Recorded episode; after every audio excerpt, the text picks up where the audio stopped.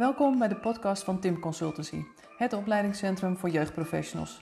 Ben jij op zoek naar een passende deskundigheidsbevordering in de vorm van een training, workshop of inspirerende artikelen? Kijk dan eens op de website of op onze social media kanalen. Welkom Vera bij deze podcast. Superleuk om samen in gesprek te gaan. Ehm, zou je je willen voorstellen? Ja, dankjewel Margreet voor de uitnodiging. Heel leuk om dit uh, samen met jou te mogen doen.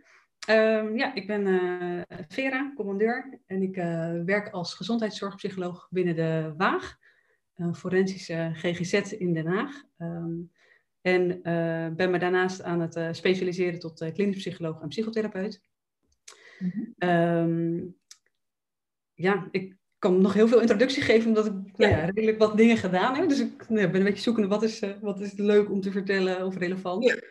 Nee, dus in, in ieder geval uh, binnen jouw werk bij de Waag uh, ben je natuurlijk heel veel bezig met mensen waarbij geweld een rol speelt. Um, om, om te kijken van, goh, wat is daar qua behandeling nodig. Maar je hebt ook altijd heel veel aandacht voor veiligheidsplanning.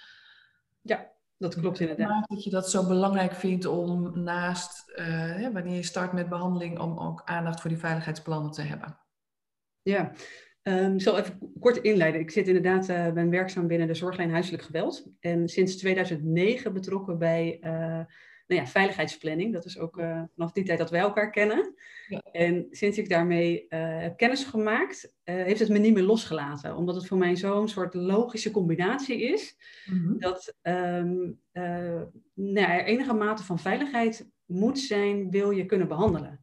En naar mijn idee heeft dat vooral ook te maken met dat als het veilig genoeg is voor gezinsleden binnen een gezin, dus dan gaat het over volwassenen, maar ook de kinderen, mm-hmm. uh, dat er voldoende rust is in het lijf en in het brein, waardoor mensen uh, eigenlijk nou ja, zo optimaal, in zo'n optimaal mogelijke staat zijn om uh, nieuw gedrag te kunnen leren. Mm-hmm. En ook naar zichzelf te kijken. Terwijl als de stress hoog is, dan, dan is die mate van reflectie bijna niet mogelijk.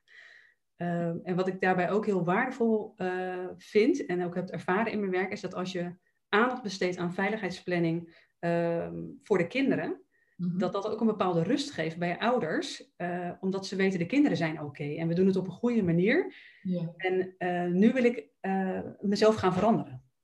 Mooi, ja. Want dat is denk ik wat je ook altijd hoort.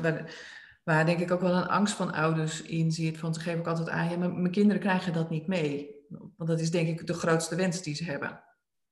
Ja, dat klopt. Dat herken ik ook. Uh, op het moment dat ik begin met een, uh, een echtpaar uh, waar je kinderen zijn, dan is, is bijna. nee, de, de neiging is altijd dat, ze zeggen: ja, maar de kinderen die waren er niet bij. Mm. En, en ehm, nee, ik, gebruik dan een beetje de techniek van Susie Essex. Uh, de collecting mushrooms noemden ze dat. Dat bij elk gesprek wat je hebt, verzamel je relevante informatie die je mogelijk later weer uh, gebruikt. Of voor je veiligheidsplanning, of als een soort reminder van hé, hey, daar moet ik wat meer over uitvragen. Um, dus mijn vraag is dan dat ik dan uh, vervolgens nou ja, heel nieuwsgierig ben. En ook een beetje, niet helemaal alsof, doe, alsof ik het niet snap, want ik snap het ook heel vaak echt niet. Nee. Want dan zeg ik, hé, maar hoe zit dat dan? Dat ze, waren ze dan niet thuis? Nee, ze waren wel thuis, maar ze lagen op bed. Ja. En dan, dan maak ik een uitstapje en dan vraag ik van, goh, maar uh, waar is dan hun slaapkamer? Kun je, me, kun je me even meenemen in jouw huis? Maak eens een plattegrondje. Nou, dan gaan mensen uh, uh, heel driftig tekenen. En dat is ook fijn, omdat dan gaat de spanning een beetje uit het gesprek tussen mij en hen weg. Dus dan maak ik ook echt gebruik van een wit A4'tje. En dan begin ik met een soort plattegrond en dan leg ik een pen bij hun en dan wordt het een soort samen. Mm-hmm. Um, uh, nou ja, leggen zij mij uit hoe ze wonen. En um, uh, het effect daarvan is dat, dat in ons gesprek de spanning al afneemt. Mm-hmm. Zij ook echt merken dat ik oprecht geïnteresseerd ben in hun hele leefsituatie. Ja. Um, en het is tegelijkertijd ook een beetje opstap naar veiligheidsplanning. Want ook daarin gebruik ik uh, een flap of papier iets mm-hmm. tussen ons, waardoor de spanning afneemt. Ja, dus dat ligt op tafel en je zegt van nou ik leg die pen neer, dus die wordt al heel snel opgepakt. Ja. Dus heel mee aan de slag gaan. En ik denk het, het helpt ook heel erg mooi om het te visualiseren, om het gewoon beter voor je te zien. Ja. Dat, dat, dat, misschien dat dat ook wel een eerste moment voor hunzelf is, dat ze daar goed over nadenken van hé hey, ja, hoe ver is mijn kind al uh, weg? Of um, ja, is dat wel reëel dat ze het inderdaad niet meekrijgen? Ja. ja. Ja, dat is wel mooi dat je dat zegt, omdat dat is vaak uh, soms al in het eerste gesprek de eerste realisatie bij ouders dat ze tijdens de ruzies helemaal niet bezig zijn met hun kind. Mm. Ehm, en, en dan ontstaat er in het gesprek ehm, nou ja, soms de neiging om, om uh, te doen alsof het er niet was. Mm-hmm. En ik probeer dan heel alert te zijn op de emoties die, die dan voelbaar zijn. Ja. Ehm, en dan leg ik vervolgens, geef ik ook heel veel psycho-educatie. Dat het uh, een heel logische reactie is als er heel veel stress is, dat je niet heel je omgeving meer kan waarnemen. Mm-hmm. Dus daarmee leg ik uit dat het een heel normale reactie is dat ze geen oog hebben voor hun kinderen. Mm-hmm. Later in de gesprekken komt veel meer aan bod dat het wel verwijtbaar is. dus het is wel. Te herstellen. Daar ja, het is wel hun plicht om, om veel meer op die kinderen te letten. En dat is ook hun taak, omdat kinderen recht hebben op veiligheid. Uh, maar dat het te verklaren is waarom dat destijds niet lukte. Ja, en wat, wat is dan het effect? Want ik denk dat dat ook heel confronterend kan zijn. Als mensen altijd uh, de wens of de gedachte hebben van, oh, mijn kinderen krijgen dat niet mee. En dat je ze zo stapje voor stapje meeneemt in, ja, wellicht is dat toch wel het geval. En um, wat het effect is bij, bij zo'n echtpaar? Ja. Um, uh, schrik. Ja. Um, sommigen die gaan, gaan veel meer de strijd met me aan. Mm van, maar zeg jij nou dat? Dus, dus dan ben ik een soort boeman. Ehm, en uh, dan schakel ik eigenlijk heel snel terug. Omdat ik dan uitgelegd, goh, ik ben hier niet om je te beschuldigen, maar ik ben er om samen met jou te werken aan dat het thuis veiliger wordt voor jou, dat het fijner wordt, een fijnere sfeer voor je kinderen om op te groeien. Mm en en uh, ja, ik ga dus eigenlijk heel de tijd dan weer op zoek naar de consensus van waarom we samen zijn. Mm Ja. En, en tegelijk... Sorry en daar samen weer naar kijken van uh, ja. waar gaan we mee aan het werk. Ja, en, en, en, en uh, ook weer kijken naar, goh, maar wat gebeurde er nou zo net toen je een beetje boos op me werd? Mm-hmm. Om dus aan te sluiten bij het verdriet en de onmacht die ouders soms hebben, of de machteloosheid die ze ervaren. Ja. En, en uh, op het moment dat ik, dat ik die twee sporen heb, ben ik dus eigenlijk bezig met, ja, eigenlijk is het al de behandeling, want dat is de opmaat van. Van hey, is er mogelijkheid om aan te sluiten bij die emoties, bij die machteloosheid, om uit te zoeken waar komt dit nou vandaan dat je zo gereageerd hebt? Wat zit er allemaal onder? Ehm, en tegelijkertijd de focus houden op die veiligheidsplanning. Mhm. We kunnen namelijk niet heel rustig gaan praten als je huis in de brand staat.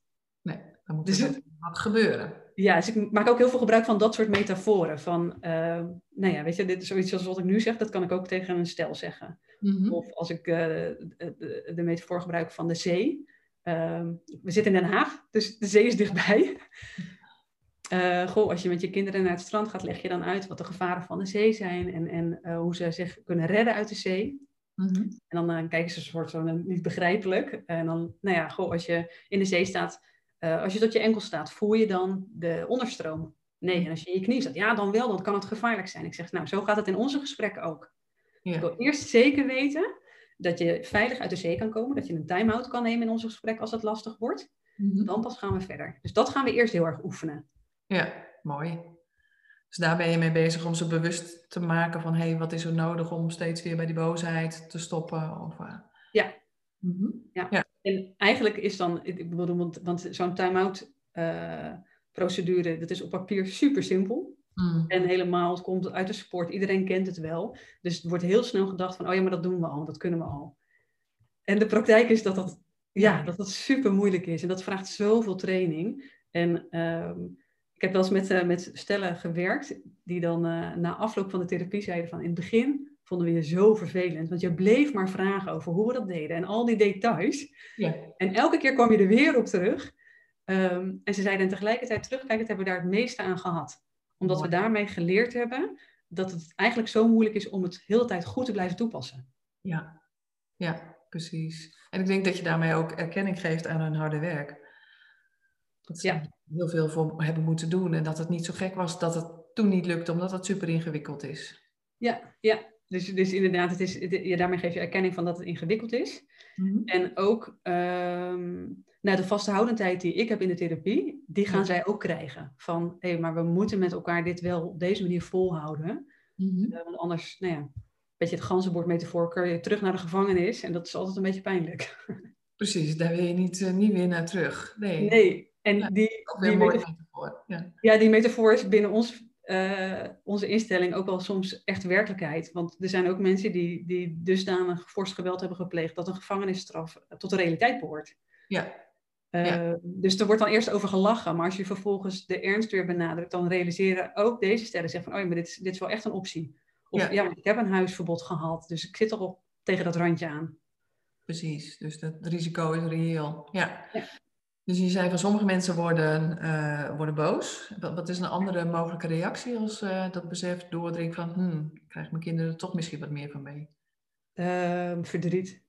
Heel veel verdriet. Ja.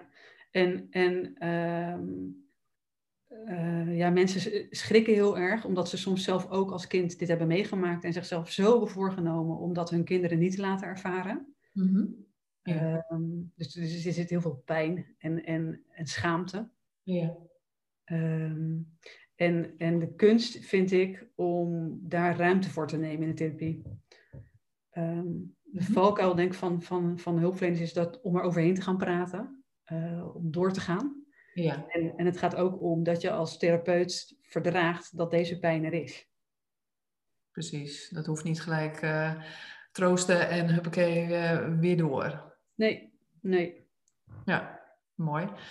Mooi denk ik wat je zegt van, uh, hè, dat je als therapeut dat moet kunnen verdragen en daarmee om moet kunnen gaan. En ja.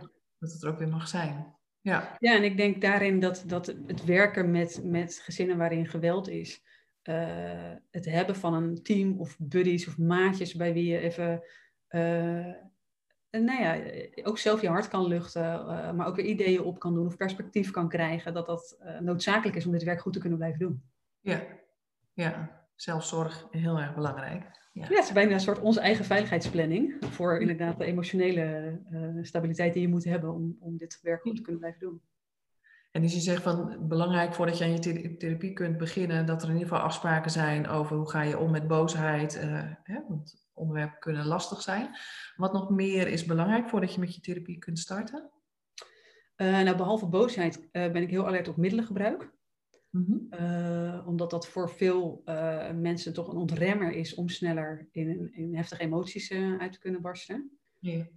waar ik ook heel alert op ben, is dat ik aan het begin van een behandeling eigenlijk uh, snel screen of er uh, eh, PTSS-klachten zijn. Mhm. Dus of de boosheid plaatsvindt vanuit een herbeleving uh, aan, aan een eerdere traumatische ervaring. Ja. Ja, omdat mijn ervaring is dat als je dat snel behandelt, dat de, de meeste spanning ook heel snel afneemt. Ja, dus dan ga je dat in het begin al behandelen. Ja. En hoe doe je dat? De PTSS behandelen. Ja. Ja, nee, de, eigenlijk zijn daar de, weet je, de, de meest evidence-based uh, behandeltechnieken voor. Mm waarbij ik dan gebruik maak van uh, eh, EMDR. En dat is voor veel mensen nou ja, een bekende techniek. Mm -hmm. of imaginaire exposure. Dat zijn eigenlijk de twee meest bewezen effect, effectieve behandelingen. Ehm, dat is goede nieuws. Het slechte nieuws is dat het bij 50% effect heeft. Oké. De huidige stand van de, van de wetenschap. Um, en die laatste, kun je daar iets meer over vertellen? Want ik denk EMDR is wel, wel ja. bekend, denk ik. Ja, bij imaginaire exposure uh, ga je eigenlijk in een, uh, in een uh, ja, veilige setting van de therapiekamer je ehm, blootstellen aan de traumatische herinnering op mhm. systematische wijze. Dus het wordt ingeleid, wordt begeleid door een therapeut. Uh, waarbij de focus van de behandeling is dat de angstige verwachting die iemand heeft voordat hij uh, teruggaat naar die herinnering of over die herinnering gaat vertellen. Uh, dat je die concreet maakt. Dus goh, wat verwacht je nou dat er gebeurt? Wat is je meest angstige verwachting? Nou, de meeste mensen zeggen ja, dat ik uh, in paniek raak of dat ik flauw val of dat ik gek word. Dat zijn vaak dingen die mensen noemen. En um, door bloot te stellen aan die herinneringen, vraag je dan aan het eind weer van goh, hoe, hoe geloofwaardig is die angstige verwachting nu? Hoe, en heel vaak neemt dat af omdat mensen denken, hey, ik heb geen hartaanval gekregen, ik ben niet gek geworden. Mm en het effect is eigenlijk van, van um, of het, het, leerstuk is dat als je regelmatig blootstelt aan die herinnering, dan leer je dat die verwachting niet waar is. Dus mooi. Ja. ja dat noemen ze met een mooi woord disconfirmatie van uh, de harm expectancy. Ja, precies. ik, ik, zit gelijk te, te kijken van, hey, je hoort ook heel vaak dat mensen uh, die in een hele heftige scheidingssituatie zitten, Ehm, dat dan het idee is van, ja, maar ik wil niet meer met die anderen in gesprek, want oeh, dat is eng en spannend. En, en, ehm, en daar is het natuurlijk heel belangrijk om een afweging te maken, hoe realistisch is dat? Want als dat een realistische angst is, uh, zet mensen dan inderdaad niet bij elkaar. Mhm. Maar om wel um, door dat soort vragen wat je net stelde, te onderzoeken van hoe realistisch zo'n angst is. Ja, en, en nou is er nog wel verschil tussen zeg maar dat dat uh, nare ervaringen zijn of dat het meteen posttraumatische stressstoornis is. Ja. Dus het is goed om daarin te onderscheiden van gaat het om een, een traumatische reactie mhm. of is het echt PTSS. En op het moment dat er iemand zegt maar ik wil niet meer met die ander in gesprek, dan ben ik ook nieuwsgierig van goh, uh, wat is de functie daarvan? Want is het mhm. bescherming voor zichzelf of zit er een onderliggende strijd aan? Ja, uh, om, om nou ja, heel de boel uh, te stagneren, dat er überhaupt iets van contact is. En vaak gaat het ook over contact met de kinderen. Mm -hmm. Dus ik, ik, ben altijd nieuwsgierig naar wat is de functie van, van dat niet willen ja. uh, en wat is de betekenis daarvan. Ja. En dat zijn meer eigenlijk cognitief gedragstherapeutische technieken die ik dan inzet. Mm -hmm. En bij alles is het in ieder geval heel erg belangrijk om goed door te vragen. Ja. Van waar staat het voor en ja. Ja, want ik denk dat, nou ja, ik kan aannames maken, maar daarin gaat juist binnen het zorgen voor veiligheid veel mis. Ja. Uh, als we denken dat het wel goed gaat, dan, uh, nou ja, ik denk dat het onze taak is om goed uit te vragen waarop we dat dan baseren. En ook weer om nou ja, de cliënten die uh, in dit soort gezinnen zijn, ook echt te zien, juist dit soort vragen te stellen. Ja, ja, want dat is wel een veel gehoorde vraag van, van als mensen veiligheidsplannen maken met gezinnen. Hoe weet je dan zeker dat de afspraken werken of dat mensen zich houden aan die afspraken? Wat is jouw idee daarover?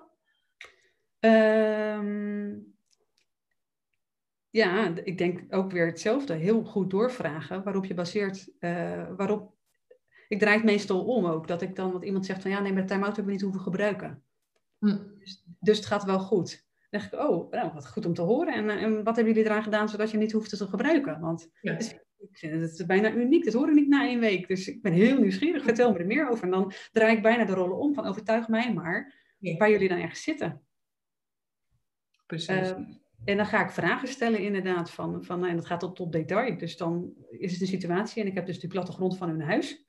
Mhm. Dus ik kan een beetje volgen waar ze heen gaan. Ik zeg ook altijd, ik ben heel beeldend en... Uh, dat ben ik ook wel echt, maar ik gebruik het ook een beetje om uh, echt mhm. op detailniveau beter te kunnen snappen wat er gebeurd is. Ja.